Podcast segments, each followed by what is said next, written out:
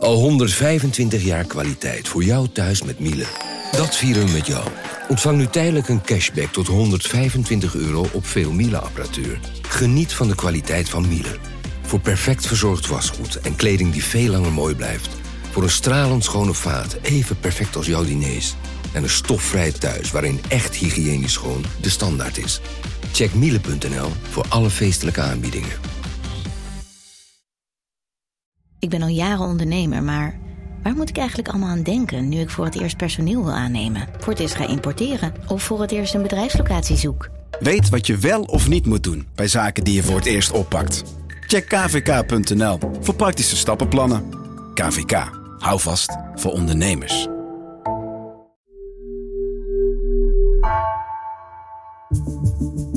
Vanaf de redactie van NRC het verhaal van vandaag. Mijn naam is Misha Melita.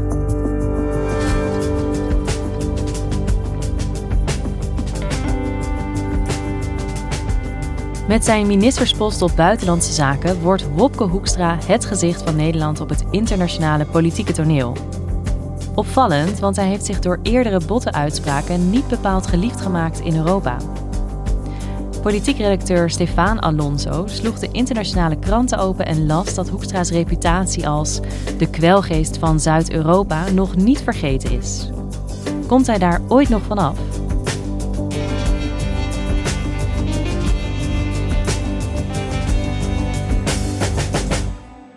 Wie afgelopen week in eh, Spanje, Frankrijk, Engeland en België een krant opensloeg, die uh, kon lezen over de presentatie van ons nieuwe kabinet, aangetreden sinds vorige week maandag. En bij één naam stonden steeds eigenlijk hele rake typeringen. En dan heb ik het over Wopke Hoekstra. En dat is ook niet zo raar, want hij is dus sinds een week onze nieuwe minister van Buitenlandse Zaken. Daarvoor was hij onze minister van Financiën. En in die hoedanigheid heeft hij toch uitspraken gedaan in het verleden over andere Europese landen die men uh, nog steeds niet is vergeten. Ja, want je had wat linkjes doorgestuurd. Ik zie hier Wopke Hoekstra, Bête Noire du Sud de l'Europe in uh, Le Soir, de ja. Belgische krant. Ja, dus de, de boeman van Zuid-Europa of de kwelgeest van Zuid-Europa. Dat was echt een stuk met een kop, waarin zeg maar ook de naam Wopke Hoekstra in de kop stond. En in El País bijvoorbeeld hebben ze het dus over dat hij niet een voor de hand liggende diplomaat is. En dat hij dus zijn tact zal moeten tonen, hè, uh, zeggen ze het leeft in het buitenland. Het feit dat Wopke Hoekstra nu het gezicht van Nederland gaat worden in het buitenland, dat is niet iets wat onopgemerkt is gebleven. Je kunt zeggen dat Wopke Hoekstra eigenlijk geen enkele introductie behoeft in Europa. Want uh, iedereen kent hem. Dus dat is het goede nieuws. Het slechte nieuws is dat misschien iedereen hem kent om de verkeerde redenen. En uh, daar zal dus wel wat aan moeten gebeuren. Ja, hij gaat echt uh, zijn periode als minister van Buitenlandse Zaken in met een discutabele reputatie. Ja. Waar komt dat eigenlijk door? Ja, dan moet je eigenlijk terug naar 2020, uh, eh, toen de coronacrisis net begon. Hè, er was nog geen vaccin. In de Italië liep het echt gierend uit de hand en in Spanje ook. Enorme dodenaantallen. En toen ontstond er een discussie in Europa over de vraag of er uh, niet iets van financiële solidariteit zou moeten komen. Nou, en als het woord financiële solidariteit valt in Europa, dan reageert Nederland altijd heel afhoudend, uh, traditioneel. Wij vinden dat nooit zo'n goed idee. Waarom vinden we dat uh, moeilijk? Nou ja, omdat wij vinden dat voordat er solidariteit getoond kan worden, moeten andere landen maar wat beter hun best doen met bezuinigingen, met hervormingen. En wij zijn vaak van mening dat andere landen, en heb ik het met name over landen in Zuid-Europa, daar te weinig aan doen eigenlijk. Traditioneel zegt Nederland altijd van we willen best betalen, maar dan moeten de anderen wel laten zien dat ze hun best doen. En dat deden we dus nu eigenlijk ook, uh, midden in die ja, volledig uit de hand gelopen uh, coronacrisis. Uh, Hoekstra had een ontmoeting met uh, collega-ministers. hij zei toen van ja, sorry, maar wij in Nederland hebben financiële buffers. En waarom hebben jullie die eigenlijk niet? En moet daar niet eens een keer een onderzoek naar komen? Dus hij begon zo'n beetje de les te lezen. Nou, en de wereld was te klein. Hè? Dus iedereen ontplofte eigenlijk. In Italië, Spanje en Portugal zijn ze woedend op Nederland. Omdat wij of beter, minister Hoekstra wordt gezien als de aanvoerder van een groepje landen dat de hand op de knip wil houden. Ja, want de timing was vooral heel pijnlijk. Dat was echt het moment dat de lijkwagens in de file stonden, bij wijze van spreken in Italië. Precies, dus de emoties liepen hoog op. De Portugese premier noemde het walgelijk wat Hoekstra had gezegd. En zelfs de Duitsers, die altijd toch best wel positief staan tegenover Nederland. Zelfs de Duitsers waren wat verbaasd. In een grote advertentie in de Frankfurter Allgemeine Zeitung roepen Italiaanse burgemeesters en economen Duitsland op om zich niet bij Nederland aan te sluiten. De Nederlandse houding is in elk opzicht een voorbeeld van gebrek aan ethiek en solidariteit. Daar komt het eigenlijk vandaan en dat ze eigenlijk nooit echt meer gaan liggen. Hij heeft, sindsdien heeft hij dat imago van ja, de bottenhork uit het noorden. Ja, precies. Dus deze uitspraken achtervolgen hem. Getuigen die kranten zijn ze het nog niet vergeten. Ze zijn het niet vergeten. Wat gaat dat betekenen voor zijn carrière als minister van Buitenlandse Zaken? Ja, dat is een hele interessante vraag. Kijk, diplomatie is een wereld van uh, professionals natuurlijk. En de wereld, de wereld draait door. Weet je, ik denk niet dat diplomaten elke keer dat ze Wopke Hoekstra tegenkomen, dat ze dan gaan zeggen van ja, wat je toen hebt gezegd, dat kon eigenlijk niet en zo. Dus ik denk dat, dat er op het eerste gezicht diplomatiek niet echt een probleem is. Uh, maar qua imago is het natuurlijk wel een probleem. Hè? Ik bedoel, als hij straks naar Spanje gaat op werkbezoek dan gaan Spaanse journalisten gaan hem hier vragen over stellen van hey, uh, hoe zit het eigenlijk? Want uh, u hebt toen dat en dat gezegd. En hij zal daar dus steeds weer mee geconfronteerd worden. En hij zal daar dus ook een goed antwoord op moeten verzinnen. Dus ik denk dat ook hè, binnen het ministerie van Buitenlandse Zaken er nu wel wordt nagedacht van hoe gaan we dit tackelen. Stel hij krijgt een vraag hierover, wat moet hij dan antwoorden? Moet hij dan een beetje guitig daarop reageren? Moet hij daar heel serieus op reageren? Moet hij nog een keer herhalen dat hij destijds zijn excuses heeft aangeboden? Hij heeft toen gezegd ook van ik was te weinig empathisch. Ik vind dat wij ons moeten aantrekken dat dat dus echt eh, te weinig empathisch is gedaan. En dat we dat eh, in ieder geval zo hebben eh, verwoord dat dat vooral tot weerstand heeft geleid. Dat zou hij kunnen herhalen.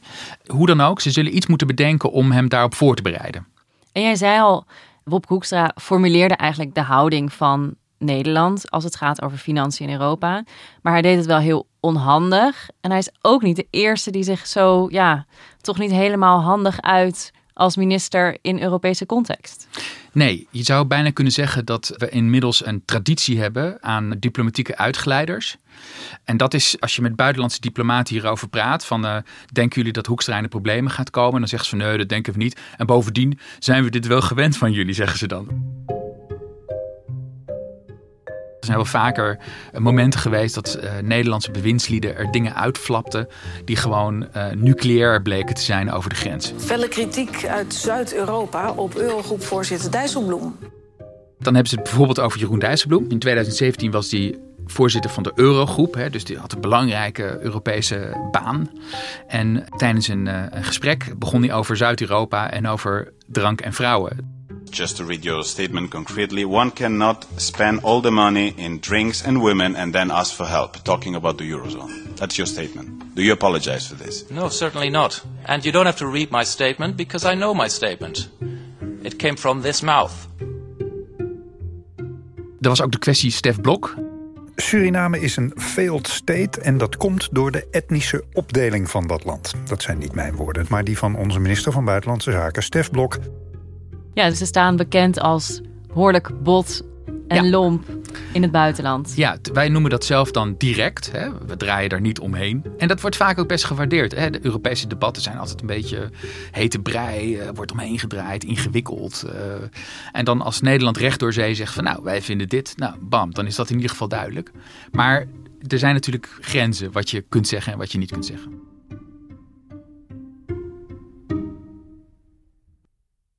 Ja, Bob Hoekstra staat niet bekend als een heel tactvolle politicus. En internationaal sleept hij een bepaalde reputatie achter zich aan.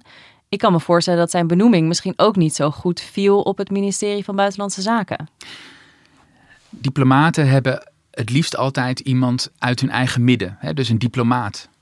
Tegelijkertijd, ik denk dat, dat veel diplomaten het in zekere zin op een bredere manier zien. Ik bedoel, ten eerste, kijk, op papier heeft hij best wel een goed cv. Hij is natuurlijk iemand die van oudsher internationaal georiënteerd is.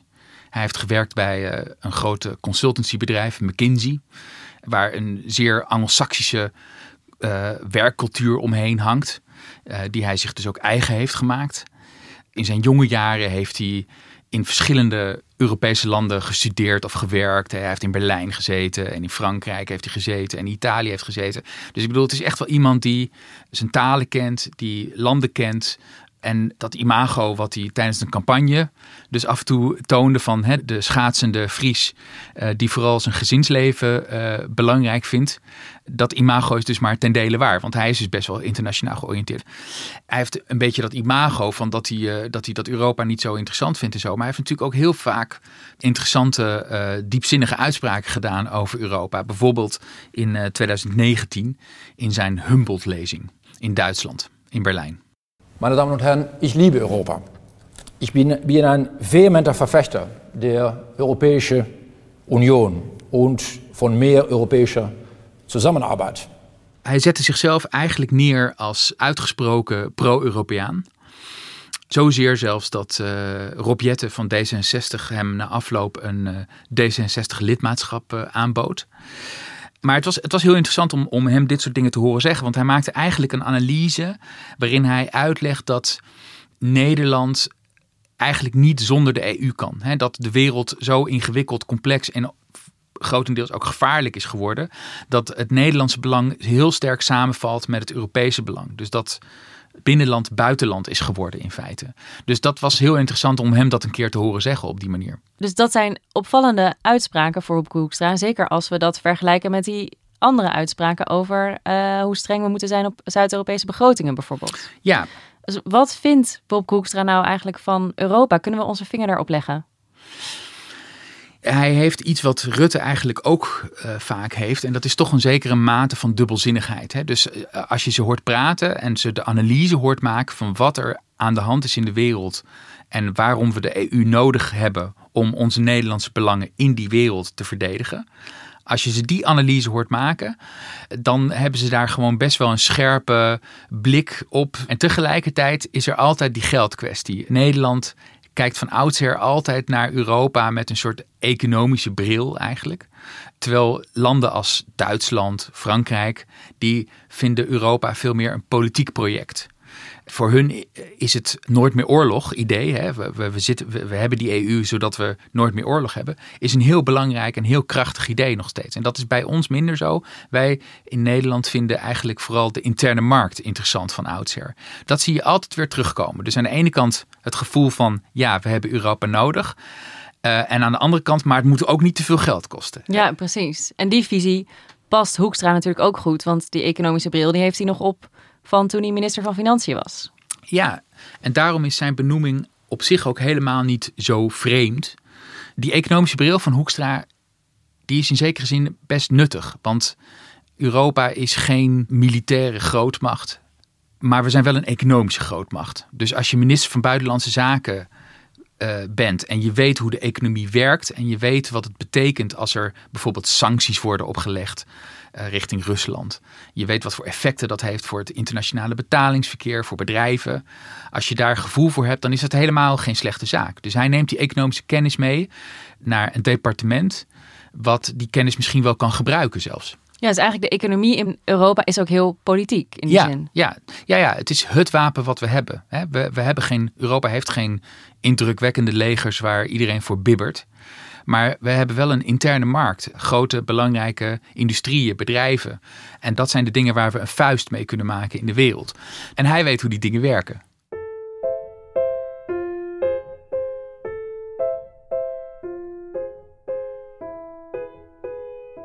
Ja, dus we hebben straks op buitenlandse zaken iemand met veel economische kennis. Ja. Op welke manier gaat dat ook het Nederlandse buitenlandbeleid beïnvloeden? Ja, dat is een hele goede vraag. En ik denk wat heel interessant is, is dat, kijk, de afgelopen jaren zag je dat het buitenlandbeleid is al lang niet meer alleen maar een kwestie van buitenlandse zaken. Er zijn heel veel ministeries die gewoon een Europese insteek hebben, ook in hun beleid. Eh, je had eigenlijk drie mensen die heel erg met dat buitenlandbeleid bezig waren. Dat was natuurlijk Rutte als regeringsleider, uh, die natuurlijk naar al die EU-toppen gaat en daar een belangrijke, cruciale, dominante rol in speelt. Uh, je had Stef Blok, de minister van Buitenlandse Zaken. Logischerwijs. Ja. Logischerwijs. En je had uh, Wopke Hoekstra als minister van Financiën. Nou, dat waren dus twee VVD'ers en één CDA'er. Dus je kunt zeggen van misschien was het een beetje uit balans. En dat is dus nu anders, want nu zit uh, straks uh, Kaag op financiën. Hoekstra zit dan bij buitenlandse zaken. Rutte blijft op algemene zaken. Defensie waar natuurlijk ook heel veel Europese discussies over zijn. Van in hoeverre moeten we onze Europese defensie versterken. Daar zit nu ook een D66er op, Olongren. Dus al met al zie je dat zeg maar, de constellatie hè, uh, tussen ministers... die is wel iets meer in evenwicht. En het is ook echt iets wat is opgevallen, ook weer in die buitenlandse kranten. Want, oh ja, las je dit ook terug in ja, El País en ja, Le Monde? Absoluut. Natuurlijk gaat het over Hoekstra en over Rutte. Maar het gaat vooral ook over Kaag. Want ons ministerie van Financiën heeft van oudsher, ook internationaal een beetje, een reputatie dat het nogal rigide is. Die hebben niet echt een, een visie op de wereld of zo. En men is heel erg benieuwd of het Kaag gaat lukken om dat een beetje te doorbreken. Hoekstra neemt zijn economische kennis mee naar buitenlandse zaken, maar Kaag neemt haar diplomatieke achtergrond mee naar financiën. En dat is nou net iets wat dat ministerie goed kan gebruiken: meer diplomatie. En de verwachting is dan dat Kaag een minder rigide minister van Financiën zal zijn en dat zij zich ook anders zal opstellen in Europa. Ik denk dat die verwachting er zeker is. Of die ook gaat uitkomen, dat is nog maar zeer de vraag. Want ik denk niet dat het Nederlandse buitenlandbeleid zomaar gaat omgooien. We zullen gewoon heel erg op de centen blijven, ook in Europa. Maar wat je wel zag in het coalitieakkoord, wat uh, dus onlangs is gesloten, is dat er veel meer bereidheid is in dat coalitieakkoord om bepaalde moeilijke discussies in Europa te gaan voeren ook. Hè. Dus dan heb je het over begrotingsregels, moeten die soepeler of niet? Dan heb je het over defensie, hè. moeten we een soort meer geïntegreerd defensiemodel hebben in Europa?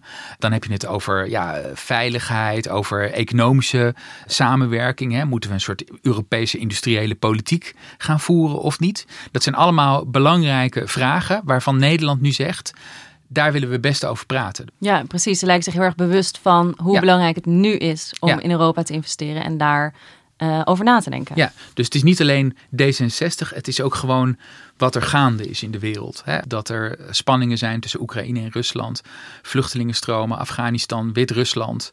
Op heel veel verschillende dossiers tegelijkertijd spelen er dingen. Nou ja, het is gewoon interessant om te zien dat dit kabinet die vragen dus niet langer uit de weg gaat.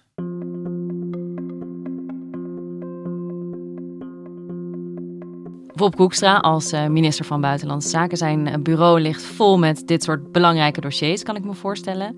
Uh, in het buitenland zullen ze hem ook nog blijven volgen.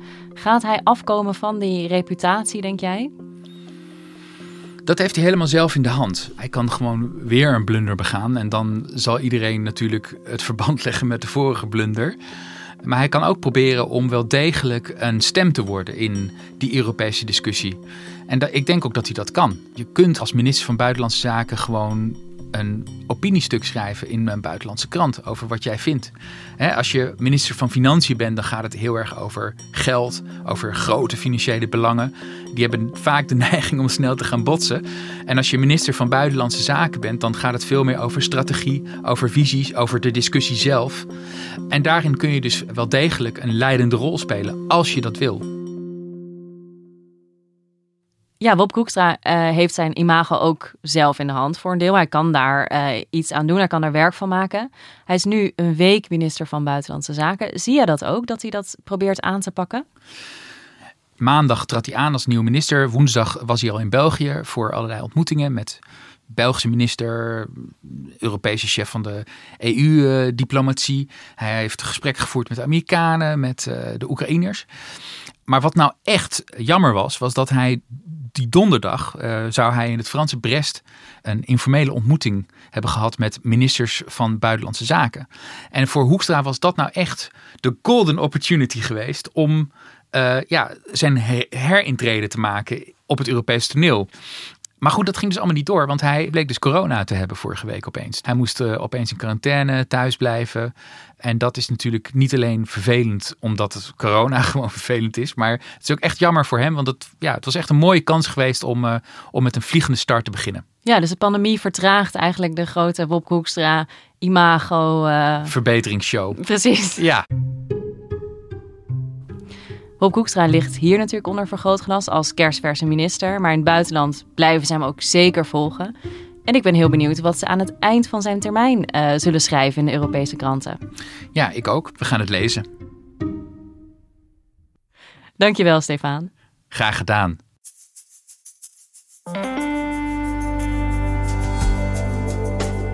Je luisterde naar vandaag, een podcast van NRC. Eén verhaal, elke dag. Deze aflevering werd gemaakt door Lis Doutsenberg en Jan-Paul de Bond. Dit was vandaag, morgen weer.